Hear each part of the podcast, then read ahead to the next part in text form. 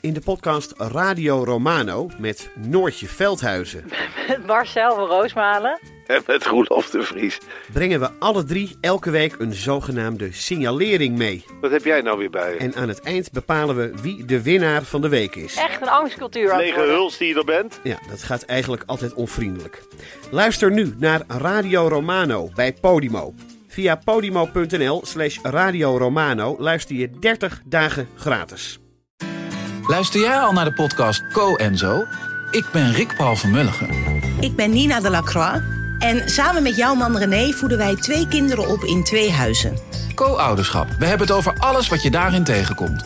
Maar ook over de juice tijdens onze kinderloze dagen, want die heb je ook in het co-ouderschap. Een podcast voor alle ouders in alle vormen, maar ook voor alle mensen zonder kinderen. Zijn we eerlijk, heerlijk herkenbaar. Dus luister naar Co en Zo in je favoriete podcast-app.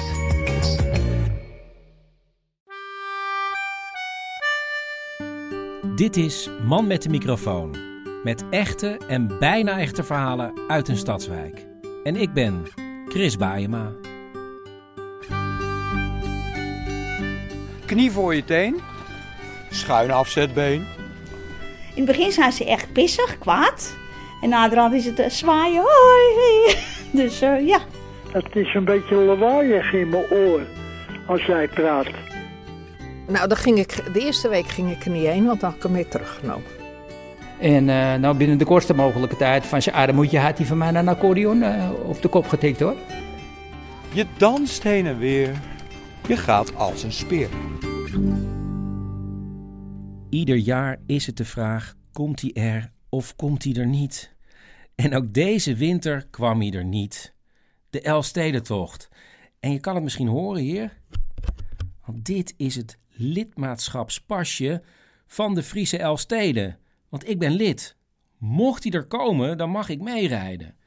En een paar jaar geleden heb ik al een keer een alternatieve Elfstedentocht geschaatst.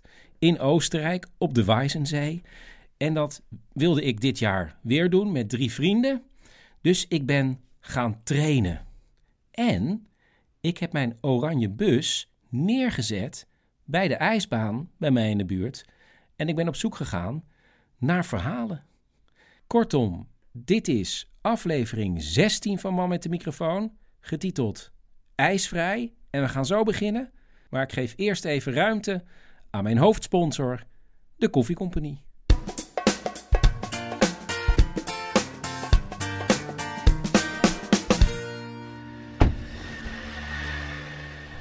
Jongens, leg even uit. Jullie moeten jezelf nog even voorstellen.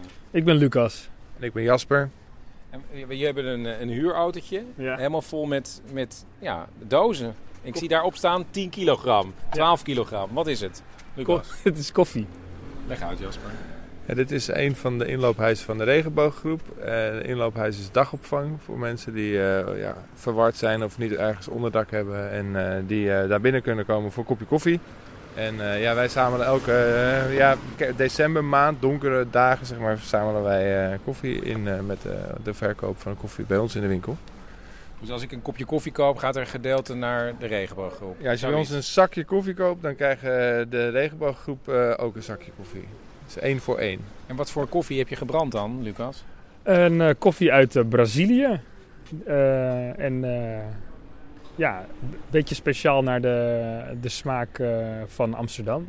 Ietsje donkerder dan dat we bij Coffee Company normaal doen. Ja? Het is ook nog speciaal voor de regenbooggroep gebrand eigenlijk. Uit ervaring weet ik dat eh, de bezoekers van de regenbooggroep houden vaak van een behoorlijke hoeveelheid suiker ook in de koffie. En dus dan is het wel lekker als die een beetje pittig is. Dus een heel hard applaus voor de koffiecompagnie. Man met de microfoon wordt mede mogelijk gemaakt door Koffie Company. De lekkerste koffie in de buurt en bij het huis. Kijk op koffiecompany.nl voor vers gebrande koffie, simpele zetapparatuur en tips en uitleg hoe jij ook goede koffie bij je thuis kan zetten.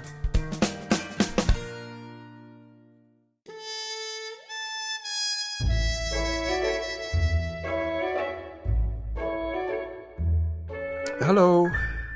Hallo, hallo lieverd, met je moeder spreek je. Ja, dat hoor ik. Dag mam. Ja, hey, luister, ik was net eh, aan het opruimen in de kast, hè. En toen dacht ik, wil jij dat tinnen kannetje van tante Adelheid? Oh, eh, ja, ik heb niet per se nu behoefte aan een tinnen kannetje van tante Adelheid. Ja, maar, maar zo direct dan ben ik er niet meer. En nu kan ik het nog met de warme hand aan je geven. Zo direct? Eh, eh, sorry, he- heb ik een diagnose gemist? Nee, nee, nee, nee. Oh. Maar ik wil gewoon op alles goed voorbereid zijn, hè? Anders moet jij het allemaal alleen opruimen. En nu kan het nog met de warme hand. Dus Oh, maar, maar ik zie echt eh, niet wat ik met een tinnen kannetje... En, gadverdamme mama. Met de warme hand, dat vind ik zo'n onsmakelijke niets, uitdrukking. niets, niets, niets aan hoeft, niets hoeft. Oké. Dan- leg ik wel alvast het Elfstedenkruisje van je vader apart. Oh ja, dat Elfstedenkruisje.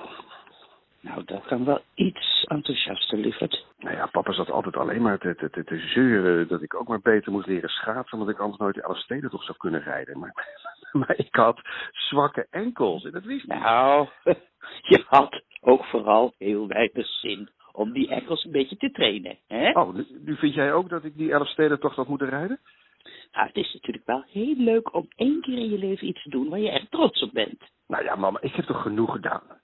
Ik, ik heb... De Ik eh, Elfstedentocht, lieverd, is iets waar gewoon heel weinig overheen kan. Maar goed, ieder maakt keuzes in het leven. En jouw keuze is om... eh, nou ja, eh, dat is mij eigenlijk nog steeds niet helemaal duidelijk. In ieder geval, ik leg dat kruisje voor je klaar. Ja, whatever. En misschien inspireert het nog, hè? Mam, er komt nooit meer een Elfstedentocht. Nou, dat, dat, dat weet je niet. Nooit meer. Ik leg het kruisje voor je klaar. Is goed. Dag, mam. Dag. Thank God voor de klimaatverandering.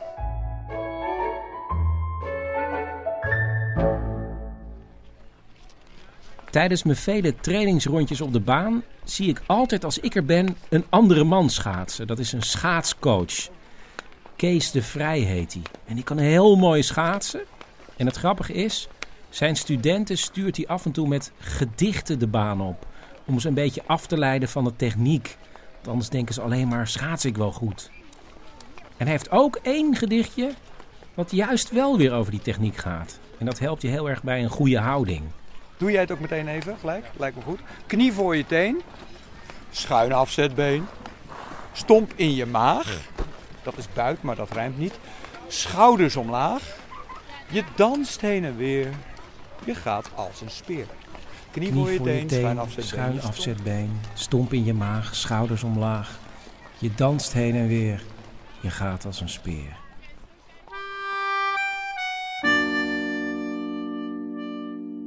Op de baan rijden drie dames heel rustig hun baantjes achter elkaar. Het zijn Elma, Ida en Riet. En wanneer ik ze aanspreek om te vragen hoe oud ze zijn, ehm, is Elma denk ik ja, onder de indruk van de oranje bus in de verte of eh, de microfoon. Nou, dat is een oud Zoiets. Eh, ik ben, ik word 65! Het is gewoon overstuur. Oh. Gewoon. Ik word 65. En dan Ida. Ik word 28 januari 76. Alvast gefeliciteerd. Dank u wel. En ik ben het met jullie geworden. 76. En dat was Riet.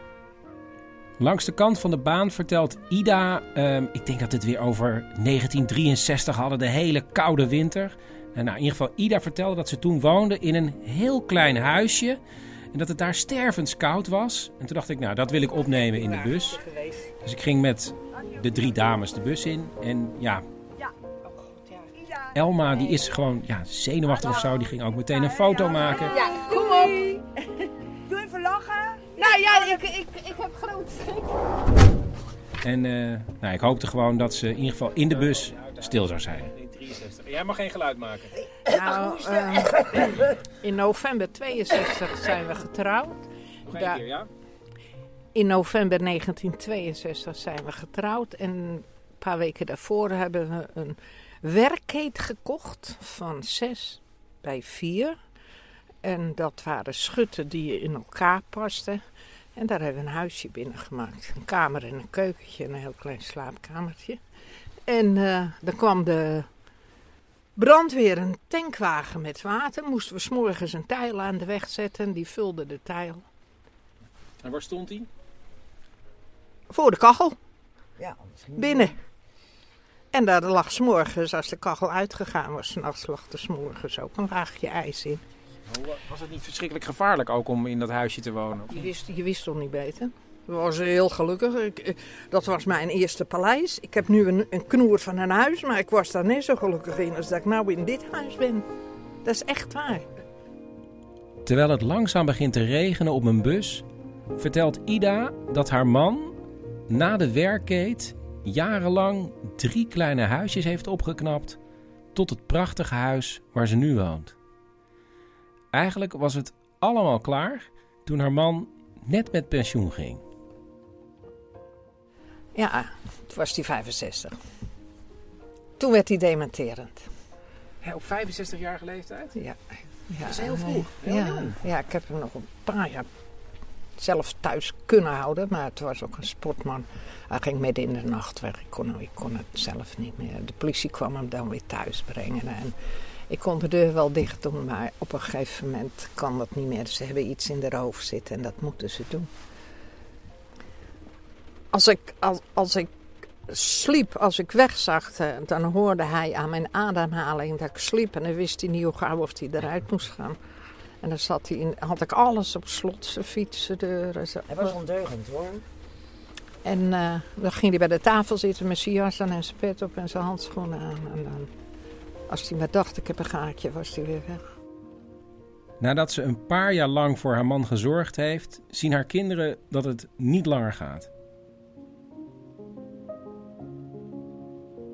Toen zeiden mijn kinderen, als je pa niet op laat nemen, dan moeten we jullie volgende week alle twee op laten nemen. Want ik zat er ook doorheen. Hij liep thuis ook natuurlijk. Alsmaar. We zijn begonnen met een dagopname. En als hij daar een uurtje zat, pakte hij zijn tas. Want die hebben geen gesloten afdeling. Dan was hij na een uur weer thuis. Je kinderen hebben gezegd, nu is het genoeg. Ja. En toen? Nou, toen is hij opgenomen op een gesloten afdeling. Maar wat, wat zei jij toen? Ik had geen keus. Ik kon het niet meer. Nee, maar het was goed wel. Ja, nee, maar ik bedoel... Ja, wat- ja, het, het, het- maar wat gebeurt er dan met jou op dat moment? Als je... Nou, dan ging ik, de eerste week ging ik er niet heen, want dan had ik hem mee teruggenomen. Ja, je- ik, ik was 50 jaar getrouwd met hem. De eerste week ben je thuis gebleven. Ja. Ik dorst er niet heen. En na die eerste week is er bijna geen dag dat ze niet naar hem toe gaat. Ik, eh, ik ging zes dagen op bezoek bij mijn man. Dan ging ik 's middags eh, met hem de, iedere middag eten geven en wandelen met hem in de rolstoel. Maar op woensdag ging ik schaatsen. Ja, dat is Daar waar. ging een zusje van mijn man, ging dan op woensdag naar mijn man. Maar woensdags ging ik schaatsen om mijn hoofd leeg te maken. Ehm, als ik om 11 uur ging, dan eh, ging ik eh, mensen helpen eten geven of verschonen of doen. En dan half één eh, eten geven. En dan kleedde ik hem aan en dan zette ik hem in een rolstoel. Hij, liep eh, da- 24 uur per dag. Het was een marathonholler. Nou, hij heb overal geweest. Dus, jong vrouw in Zwitserland, New York, alles heeft hij gelopen. En hij bleef daar ook lopen. En dan net zo lang totdat hij viel. Niemand kon hem tegenhouden. Hij liep altijd. Ja, als ik kwam om 11 uur, dan moest ik hem echt beetpakken en hem een douw geven om hem op een stoel te zetten. En dan zat hij en dan hield ik hem vast en dan gaf ik hem eten of zo. En dan, eh, in de rolstoel hetzelfde. En dan ging ik anderhalf uur met de rolstoel eh, wandelen naar buiten. Hij ook naar buiten, ik ook, regen of wind. Ik ging altijd naar buiten, zes dagen in de week. En dan om een uur of half vijf, vijf uur ging ik weer naar huis. En, en toen was mijn man weer gevallen, heel vaak. Dan een gat in zijn kop en dan zijn handen kapot. Maar hij mocht van mij nooit naar het ziekenhuis. Nou, de- omdat ik er dan s'nachts bij moest blijven en, en zijn handen vastgebonden moesten worden, want dan ging eruit. Het kon niet. Nou, toen was hij weer een keer gevallen en toen belden ze me s'morgens om acht uur op van... eh, we mogen niet aan hem komen, we mogen hem niet wassen of uit, aan, aan en uitkleden. Ik zei, nou kom maar dan. Dus ik kom een uur of tien er al heen. En Nou, toen kreeg ik hem er wel uh, in de rolstoel. En toen s'avonds mochten ze weer niet aan hem komen, hadden ze hem weer in bed gelegd. En daar bleef hij leggen en dat was heel vreemd. Dus misschien een gebroken been of een heup of uh, weet het niet. Nou, hij moet naar het ziekenhuis foto's maken. Ik zei, nou, dat gebeurt niet. Het is mijn man, dat gebeurt niet. Nou, toen uh, mocht hij mooi fine en doormikkel. En toen hebben we hem in laten slapen. En daar had ik vrede mee. Vijftig jaar waren jullie bij elkaar? Ik heb, uh, toen was hij dementerend, ik heb samen 50 jaar huwelijk gevierd. Hoe heb je dat gedaan? Nou, ik had voor al die meiden die daar werkten, had ik bij de ethos uh, een cadeautje gekocht. Omdat ze al een paar jaar mijn man verzorgde. En daar, ik wist niet wat ze wilden hebben of ruikies verschillen. Toen had ik een waardebon erin gedaan voor alle meiden 5 euro. Dat ze bij de ethos voor 5 euro mochten. En toen heb ik alleen eigen broers en zusjes. Uh, en die nog leefden of ze zijn, had ik koffie met gebak daar in de huiskamer. En toen hebben we geprobeerd mijn man daar ook binnen te krijgen en zitten. Nou, dat heeft hij een kwartier gedaan, toen ging hij weer lopen. Maar, maar nu doen we het afsluiten hoor, want nu gaan we naar huis. Hoe ga je het afsluiten? Uh, dat ik erg leuk vind dat ik jou ontmoet heb. En ik, ik, ik vind het een zwaar verhaaltje. Ik was niet van plan om het te vertellen of zo, want het heb geweest, het is voorbij. En dan, na nog een paar minuten, neem ik afscheid van de dames. Nou, superleuk dat je jullie hebt ontmoet. Want jullie moeten weer. Want ik wil niet dat jullie een bom krijgen. Nee, nee, we gaan er naar jou. Dat is die voor jou. Nee, we gaan er voor. Ja, ja, nou even wachten, want anders sta ik in de regen. Ja, we moeten er toch. Ja, maar we gaan we naar meteen in de auto of gaan we ja, nog nee, eten? we gaan Nou hebben we nog geen eens gegeten. Nou vallen, nou vallen wij flauw.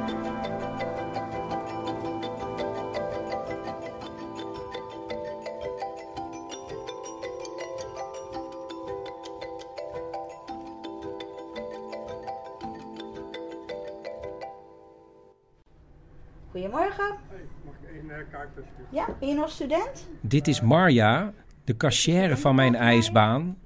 En ik vind haar, ja, de leukste cashier van Nederland, geloof ik. Terwijl ik nooit bij haar aan de kassa sta, want ik heb een abonnement. Ja. Maar ze zwaait altijd zo vriendelijk. alsjeblieft. Nou, je maakt hier ook eens van die pappenheimertjes mee. En dan kopen ze een kaartje van een eurotje. En dan zeggen ze dat ze dus niet gaan schaatsen. En dan mag je kijken. En dan betaal je 1 euro. Ga je schaatsen, ja, dan moet je gewoon het schaatskaartje kopen, hè. Maar ja, het gaat af en toe wel soms te makkelijk af bij sommigen, hè. Dan denken ze van, nou, weet je, ik koop lekker een eurokaartje. Maar meestal heb je dat wel door, hè. Je pappenheimertjes ski je wel zo langzamerhand. En denk even kijken wat je gaat doen. Ja hoor, dan gaan ze naar de kleedkamer en dan gaan ze die broek uittrekken en dan staan ze op het ijs.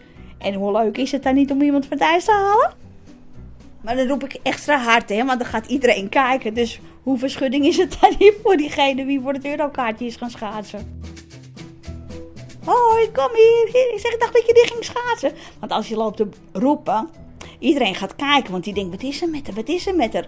En dan kan ik juist zeggen van, ik dacht dat je niet ging schaatsen. je mag er nu vanaf. nou ja, dan gaan ze eraf. Maar dan krijg je ook alweer een leuke band mee. In het begin zijn ze echt pissig, kwaad. En naderhand is het uh, zwaaien. Hoi. dus uh, ja, ook dat zit er bij die figuren. Dat vind ik ook wel leuk, het werk.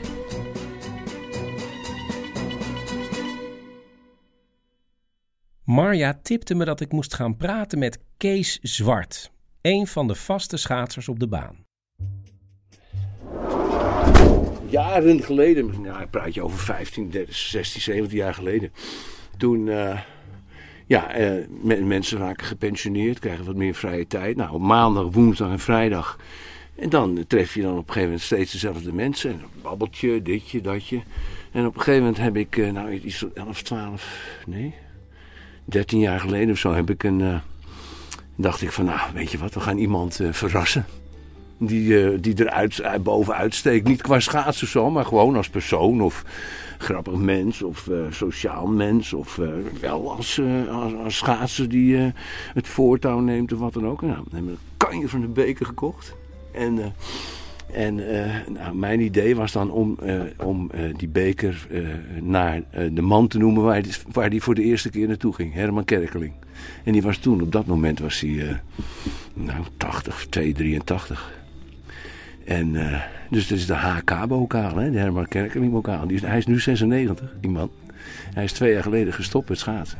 Hè? Wacht even. 96? En twee jaar geleden gestopt? Die man moet ik spreken. En dus bel ik hem op om te proberen een afspraak te maken.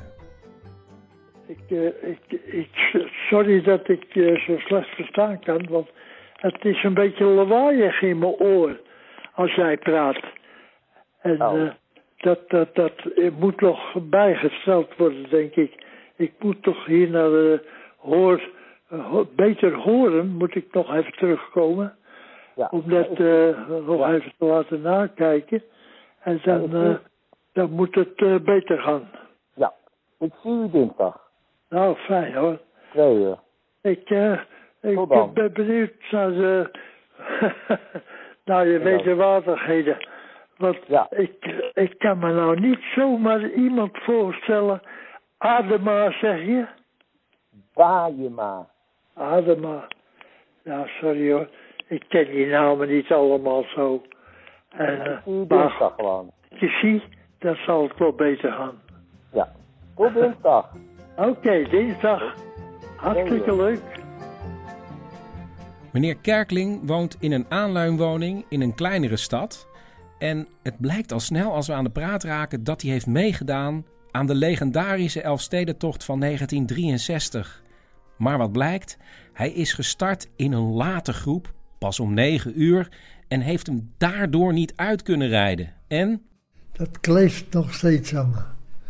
Ja, dat vind ik jammer. Want ik ben ervan overtuigd dat ik dat had gekund. En dus heeft hij zijn hele leven gewacht op net zo'n strenge Elfstedentocht. Maar ja, Die is nooit gekomen. Die is nooit gekomen.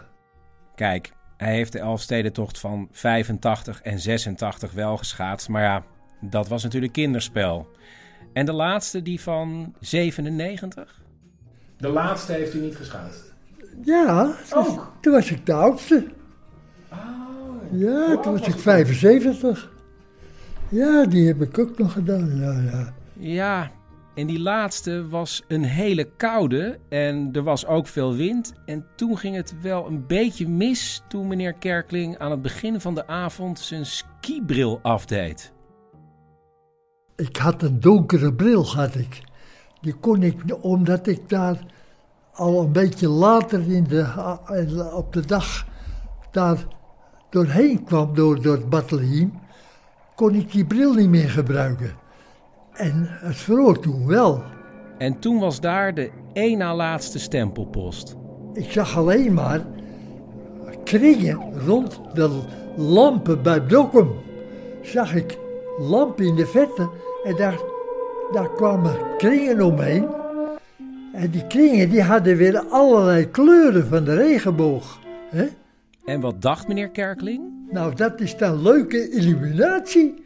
Hij dacht dat het feestverlichting was. Want even verderop Zag ik niet alleen die kringen om die lampen, maar ook nog balken. Zes balken in de vorm van een ijskristal. De mensen die het hadden versierd hadden volgens meneer Kerkling enorm uitgepakt. En die, die balken, die hadden ook weer allerlei kleuren van de regenboog. Wanneer hij bij de stempelpost in Dokkum zijn enthousiasme probeert te delen over de feestverlichting, zit hij binnen no time met zijn bevroren ogen bij de EHBO-post waar hij behandeld wordt. En toen wou ik verder en toen zegt die dokter daar, die zegt, ja nee, u, u blijft hier. Ik zeg, mijn familie staat aan de, in Leeuwarden. Ik zeg, die laat ik niet voor niks staan. Ja, maar u neemt risico, want u rijdt geen 100 meter en dan ligt u weer. Ik zeg, als u mij maar op de goede baan zet, dat ik niet verkeerd kan rijden, dan ga ik gewoon verder. En dus gaat hij verder. Meneer, mag ik achter u aanrijden, want ik zie het niet zo goed meer. Ik viel met mijn gezicht in de, in de, in de rietstoppels, in ieder geval moet ik naar het midden van de baan. Ik zag eigenlijk niks meer hoor. En dan na een hele tijd komt hij weer vol in het licht terecht. En dan hoort hij opeens de stem van zijn zoon. Hé hey pa, je bent er hoor. nou, ze hebben, die post hebben ze weer zalf gesmeerd en, en ze hebben me goed behandeld en zo. Twee dagen later heb ik ook weer gewoon geschaatst.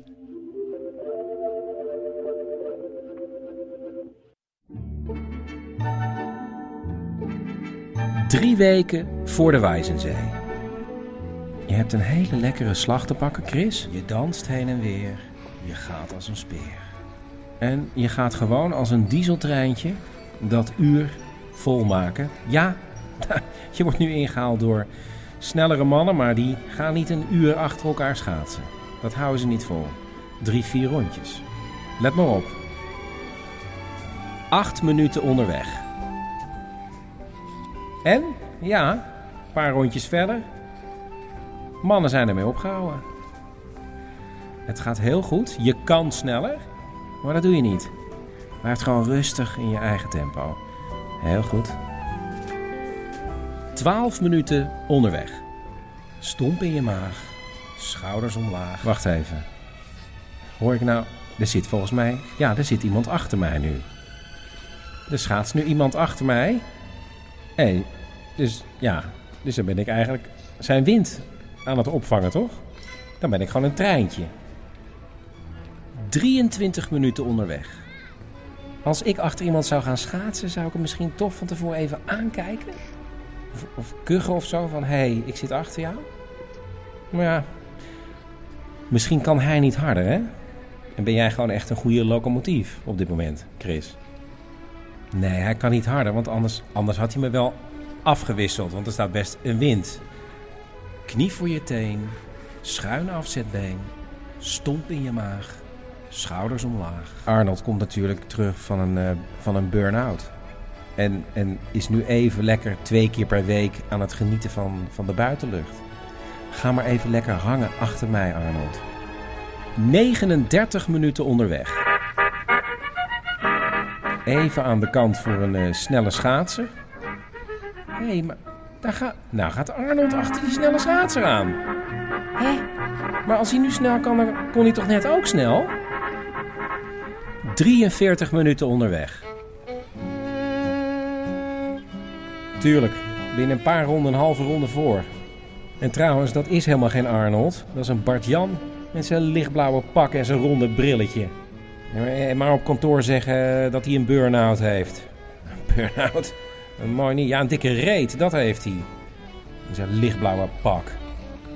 Oh, die snelle schaatser, die houdt er mee, mee op? Oh, hij... En hij houdt er ook meteen mee op. 48 minuten onderweg. Schuin afzetbeen. Stomp in je maag. Zit hij nou weer achter me? Nee toch? Ja.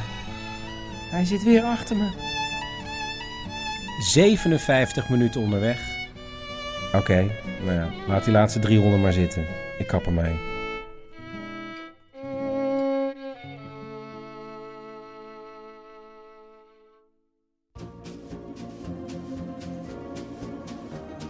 Ja, Bert, hij loopt.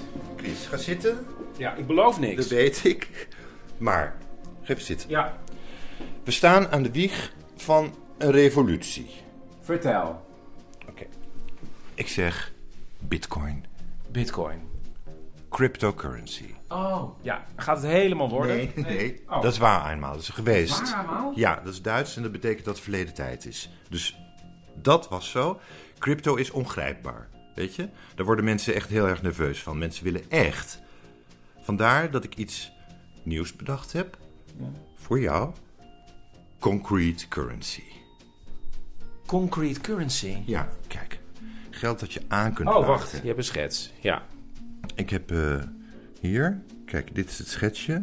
Maar dit kan het worden. Dat is een munt? Ja. Met het logo van de man met die microfoon. En de bus op de andere kant, kijk. Maar dit is toch een soort euro dan, Bert? Denk nou even mee. Ja, uh, oh nou ja, hoeveel kost, ja, hoeveel kost zo'n munt? Ja, nou ja, zeg het maar. Zeg het maar? Ja. Nou, je laat er bijvoorbeeld 100 slaan, dan gaat het vanzelf. Gaat vanzelf? Ja, dan wordt het wat de gek ervoor geeft. De koers begint voorzichtig met 50 euro per munt, dacht ik, weet je. En dan maar in twee weken tijd knalt hij door naar de 2000. 2000? Kan. Chris, mensen willen dit. Binnen drie maanden zijn de luisteraars, I promise, die nooit meer hoeven te werken. Of die al hun spullen verkopen om er één te kunnen hebben. Ja, maar Bert, dat is toch gewoon een hele enge munt dan? Toen de eerste trein begon te rijden, toen dachten de boeren ook dat hun koeien geen melk meer zouden geven. Maar Maar wat heeft dat er nou weer mee te maken? Het is een revolutie, Chris. Het is een revolutie. Maar vooral ongrijpbaar voor iedere cybercrimineel. Hier worden ze knettergek van. Ja. Ja. Ja, maar, ja, maar zo'n munt kan je ook weer gewoon namaken, toch? Kijk nou even goed. Kijk nou even. Waar, ja, waar moet ik kijken? Daar. Oh, oh, eh, eh, oh, op de munt een heel klein microfoontje. Het is een verborgen echtheidskenmerk. Ja. Ja. Ja, Bert, zullen we toch misschien anders nog even wachten hiermee? Dat we nu nog even de commercial van de t-shirts herhalen? Ja. Kan ook. Tuurlijk.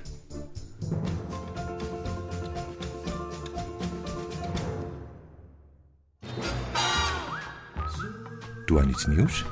Kies dan voor het life-changing man met de microfoon t-shirt. Diverse modellen voor dames en heren. Kijk snel op manmetdemicrofoon.nl en kies een exemplaar in jouw maat. Niet wachten. Doen.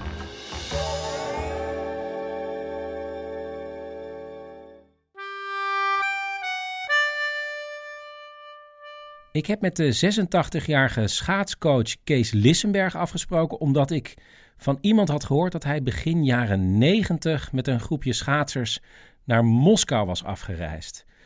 Maar ja, dat gebeurt nu eenmaal af en toe. Dan begin je een gesprek en dan zie je aan iemand dat er opeens een heel ander verhaal in zijn hoofd schiet. En dat gebeurde hier ook. Het begon met een hotel in Moskou, maar al snel gingen we een hele andere kant op. Ik meen dat ze dat het hotel met de duizend kamers noemen. Dat is zo ontzettend gigantisch groot. Allemaal verdiepingen. Alle, het is vierkant gebouwd. En op elke hoek van elke gang zat een of andere bewaker of bewaakster. Om dus de boel in de gaten te houden. Ze konden altijd die gangen altijd zien, weet je wel. Het heeft ons wel, wel, wel de indruk gegeven van hoe vrij wij eigenlijk altijd zijn geweest. Tenminste, na de oorlog. Want eh, ja, Je, zag, je, je dacht van, hé, hey, dit is gewoon... Je herkende het als de oorlog. ja, ja, ja. Want? Ja, nou ja, ik heb de oorlog bewust meegemaakt. Ik was eh, in 1940, ja, toen was ik negen jaar. Dus eh, de vijf jaar geduurd. Ik was 14 jaar toen de oorlog afgelopen was. En mijn vader die werkte bij de spoorwegen. En toen werd in februari werd eh, de, de, de staking afgekondigd bij via Radio Oranje.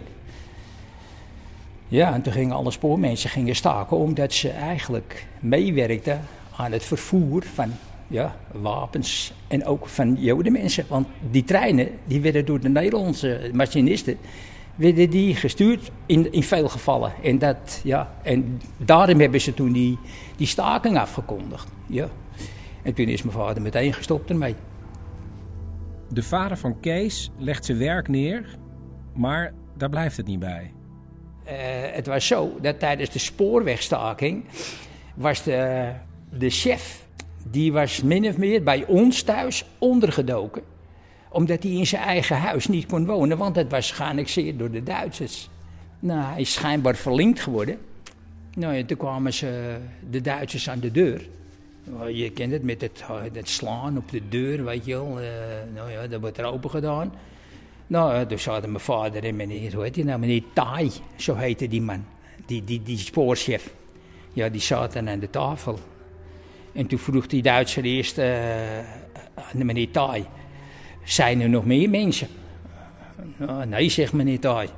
En toen kreeg hij gelijk een, eh, een klap voor zijn hoofd, joh. Niet te kort. Nou, je, dat, dat, dat, blijf je gewoon je leven lang bij. Dat zag jij? Ja. En toen vroeg hij aan mijn vader ook, zijn er nog meer eh, mensen? Nou, mijn vader zei ook nee, en die kreeg gelukkig geen klap. Dat vond ik raar. Maar ja goed, ze werden alle twee opgepakt. En sinds die tijd, tot de dag van de bevrijding, heb ik mijn vader daar nooit meer gezien. En die meneer Taai, die was weer heel gauw vrij. En mijn vader heeft dus tot de dag van de bevrijding op, in kamp Amersfoort gezeten. Want op de dag van de bevrijding ging ik met mijn vriendje Amsterdam-Oost in. En ik zie zo eh, mijn oma aankomen op een fiets. En er zat een touw tussen die fiets en er zat een fiets achter. En daar zat mijn vader op, want die was... Ja, die had hongerudijn, die, had, eh, die was helemaal onder de voet. Die, eh, Rode Kruis heeft hem nog ineens naar huis gebracht. Dus die is uit zijn eigen beweging, is hij vanaf Amersfoort, is hij thuisgekomen. Voortgesleept door je oom. Door zijn eigen broer, ja. Ja, maar die was niks meer waard. Nee, dat was, eh, was, is ook een later een, een, een, een cynisch mens geworden, mijn vader. Ja, dat, die- dat is niet goed. Maar wat was het cynische dan? Nou ja, dat hij dus eh, geen vertrouwen meer had in de mensen. Omdat natuurlijk, ja, hij was natuurlijk ook dat hij dus mensen in huis neemt als onderduiker. En waar hij van denkt, die moet ik redden. En dat hij dan zeg maar opgepakt wordt. En de man die die wil redden, die loopt binnen de kortst mogelijke tijd weer vrij rond. En hij heeft tot, nou ja, wat ik zeg, tot aan het einde van de, van, van de oorlog in, de, in, het concentratiekamp gezeten. En dat, eh, ja, dat heeft hem natuurlijk zeer veel pijn gedaan. Dat was jammer. Dat was altijd een hele lieve, fijne kerel. En je moet weten, het is nog ineens mijn eigen vader. Ik heb mijn eigen vader nooit gekend. En het is mijn- eigenlijk mijn tweede vader. Pas op zijn twaalfde, toen hij naar de ambachtschool ging, ontdekte Kees dat hij een andere achternaam had. En dan moest eh, Kees Lissenberg werd geroepen. Nou, ik bleef zitten, want ik was Kees Pauw. Dus ik zei, nee, dat ben ik niet. Nou, zegt die meester toen daar, hij zei, ja, dat ben je wel, want kijk maar naar je geboortedatum. Dat is, ik zei, nou, ik heet Kees Pauw. Toen merkte ik pas dat ik een andere vader had gehad. Dat wist je helemaal niet. Nee. Ik was baby toen, eh, toen, toen mijn eigen vader eh, er niet meer was. Dus mijn vader, dat weet ik niet. Daar heeft mijn moeder ook nooit over gesproken. Je weet niet waarom hij niet meer was. Nee, nee, nee. Dus eh, die, ja, dat ging niet schijnbaar. En, weet je, en toen was het ook niet een tijd. Tegenwoordig zou je zeggen van. Ja, wat is er gebeurd? Wat is er aan de hand? Dat zou ik wel eens willen weten. Ja, vroeger had je de moed niet om erover te beginnen, want het was taboe. Daar begon je niet over. Je weet niet waarom je vader weg is gegaan. Nee, nee, dat weet ik niet. Dat weet ik nog steeds niet. Het enige wat hij na zijn twaalfde wist, was dat zijn broer Leen eigenlijk zijn halfbroer was, omdat zijn moeder na hem nog een zoon had gekregen, maar nu bij een meneer Pauw. Prachtmens, echt wel. Want tussen mijn broer en mij heb ik nooit enig verschil kunnen vinden van... dat is je eigen zoon en ik ben mijn halve zoon. Hij is altijd zo lief geweest voor ons.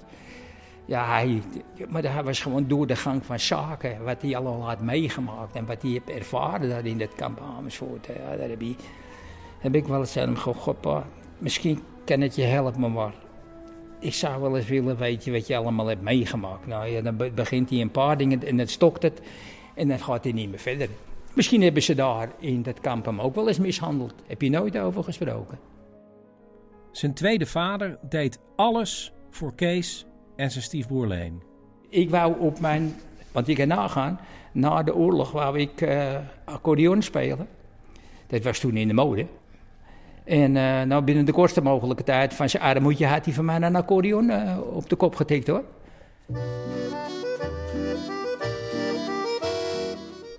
Omdat de moeder van Kees officieel pas na de geboorte van zijn halfbroer Leen was gescheiden, heette Leen ook van zijn achternaam Lissenberg. En toen Leen wilde trouwen, hebben ze dat met papierwerk weer om moeten zetten. En dat betekende dat de vader van Kees, meneer Lissenberg, ook zijn handtekening moest zetten. En dus reisden Kees en Leen naar Zeist, waar meneer Lissenberg woonde, om het in orde te maken. Toen moesten we daar op dat stadhuis moesten we de papieren halen. En toen moest hij dat ondertekenen. En toen hebben we één, ik denk het is geweest, mm, 30, 40 tellen. Hij kwam binnen, hij tekende, dat was weer weg. Dat, dat, Mijn vader. heb je 40 seconden gezien? Ja, misschien. In je Ja, leven? In mijn leven, ja. ja. Ja, en toen zei de toch tegen Leen, mijn broer, dan, ben jij Casey? Nee, zegt Leen. Nou, toen, ging, toen liep gewoon door. En ik zat erbij, want ik was met mijn broer toen de tijd samen op de motorfiets naar Zeist gegaan om dus die papieren te verzorgen. ja. Pas toen hij 64 was en zijn moeder een jaar was overleden, heeft Kees geprobeerd contact te zoeken met zijn vader.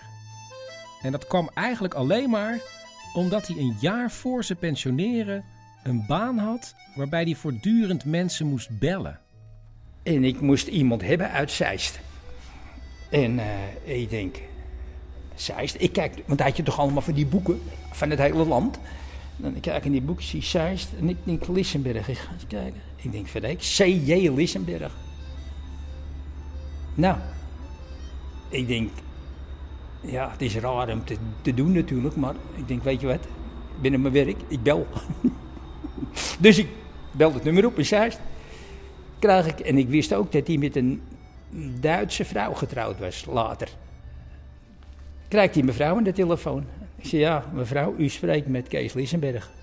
U zal het wel vreemd vinden, maar eh, ik zou eigenlijk wel eens kennis willen maken met Kees Lissenberg. Nou, zegt ze, eh, eh, je bent te laat, want hij is een maand geleden is hij overleden.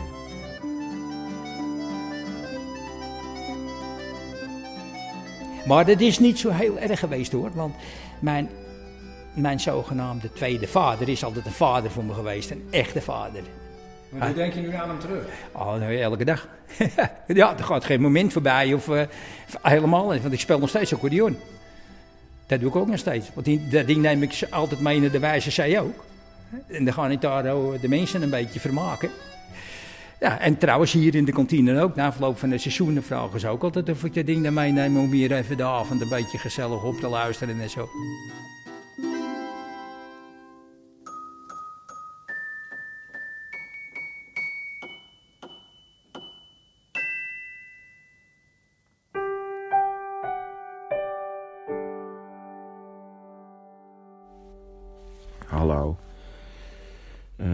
Dit is even via mijn telefoon. Ehm, ik neem dit op omdat ik nu al een paar dagen heel erg grieperig ben. Het is nog vier dagen voordat ik moet gaan schaatsen en ik heb twee dagen alleen maar op bed gelegen. Liggen hoesten, hele hoge koorts, rillen, heel veel spierpijn. En dan hoop ik dat ik nog op tijd klaar ben om in ieder geval af te reizen naar Oostenrijk. Ja, ik loop alleen maar te denken, alles is voor niets gewoon. Al dat trainen, helemaal voor niks. Ik ben eigenlijk nooit ziek, even tussendoor. Echt nooit. Een hele slechte timing dit.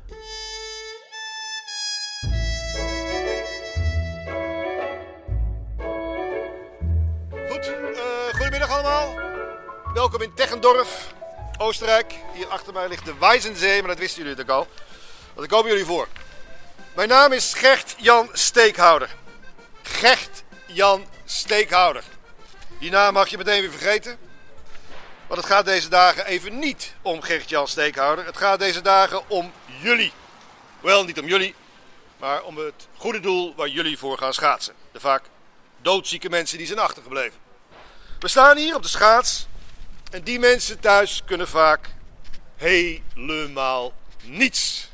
Ja, niet dat ze helemaal niets kunnen, want vaak kunnen ze wel duidelijk maken eh, ja, wat ze dan dus niet halen. Eh, met gebaren of zo. Vaak eh, moet je gissen, maar goed, vaak maken ze toch wel iets duidelijk. Ik denk dan bijvoorbeeld aan de Stichting Rolstoelrijders, Enkhuizen, en de Stichting voor de Kinderen met een taai-slijmziekte. Wel, die kunnen natuurlijk gewoon praten, net als blinden. Ik wil dan even. Kleur.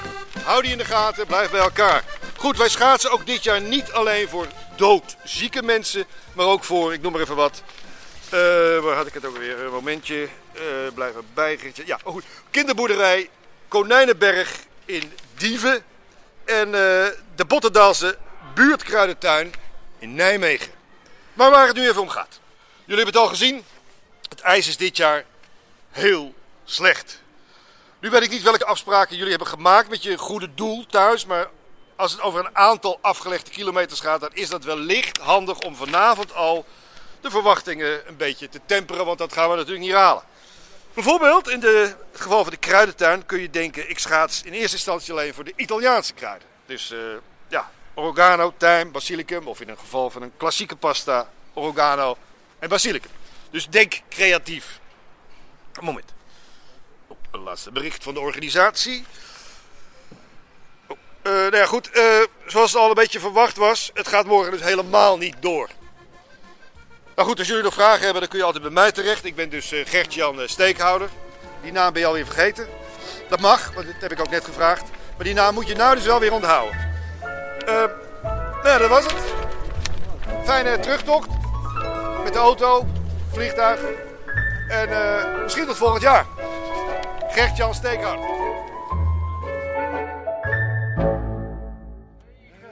Acht, zeven, zes, vijf, vier, drie, twee, één.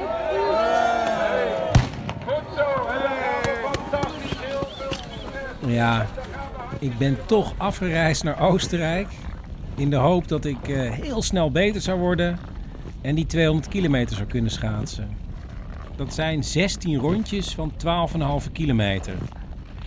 Dit is eh, mijn laatste rondje. Oh. Nou, ik ben er bijna. Helemaal niet bijna.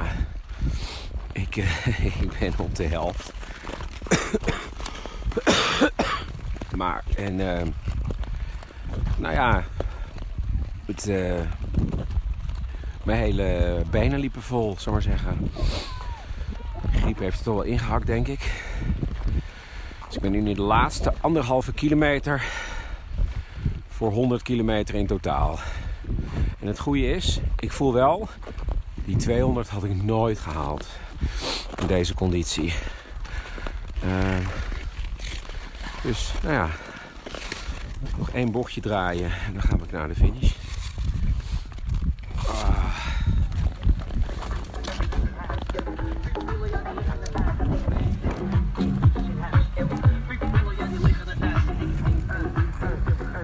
Ik ben klaar. Dit was aflevering 16 van Man met de microfoon. Meegewerkt hebben Bert Kommerij, Cecile Heuyer, Leopold Witte en Paulien Cornelissen. Man met de microfoon wordt mede mogelijk gemaakt door Koffie Compagnie en het Amsterdams Fonds voor de Kunst. En eh, wil je een machtig mooi t-shirt kopen of een, eh, een clubkaart hebben, de kaart waar je helemaal niks mee kan, behalve kunt laten zien dat jij hem hebt, ga dan naar manmetdemicrofoon.nl. En ja, je kan me ook volgen. Ik probeer het een beetje, ik ben er niet heel goed in, maar eh, op Facebook of Instagram of Twitter.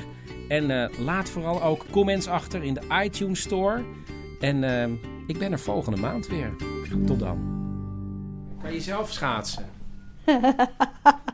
Wat een brutale vraag. Ik schaats niet. nee, ik durf het ook niet. Ik wil niet schaatsen. Straks val ik, dan breek ik, kan ik hier niet zitten. Nee, toch?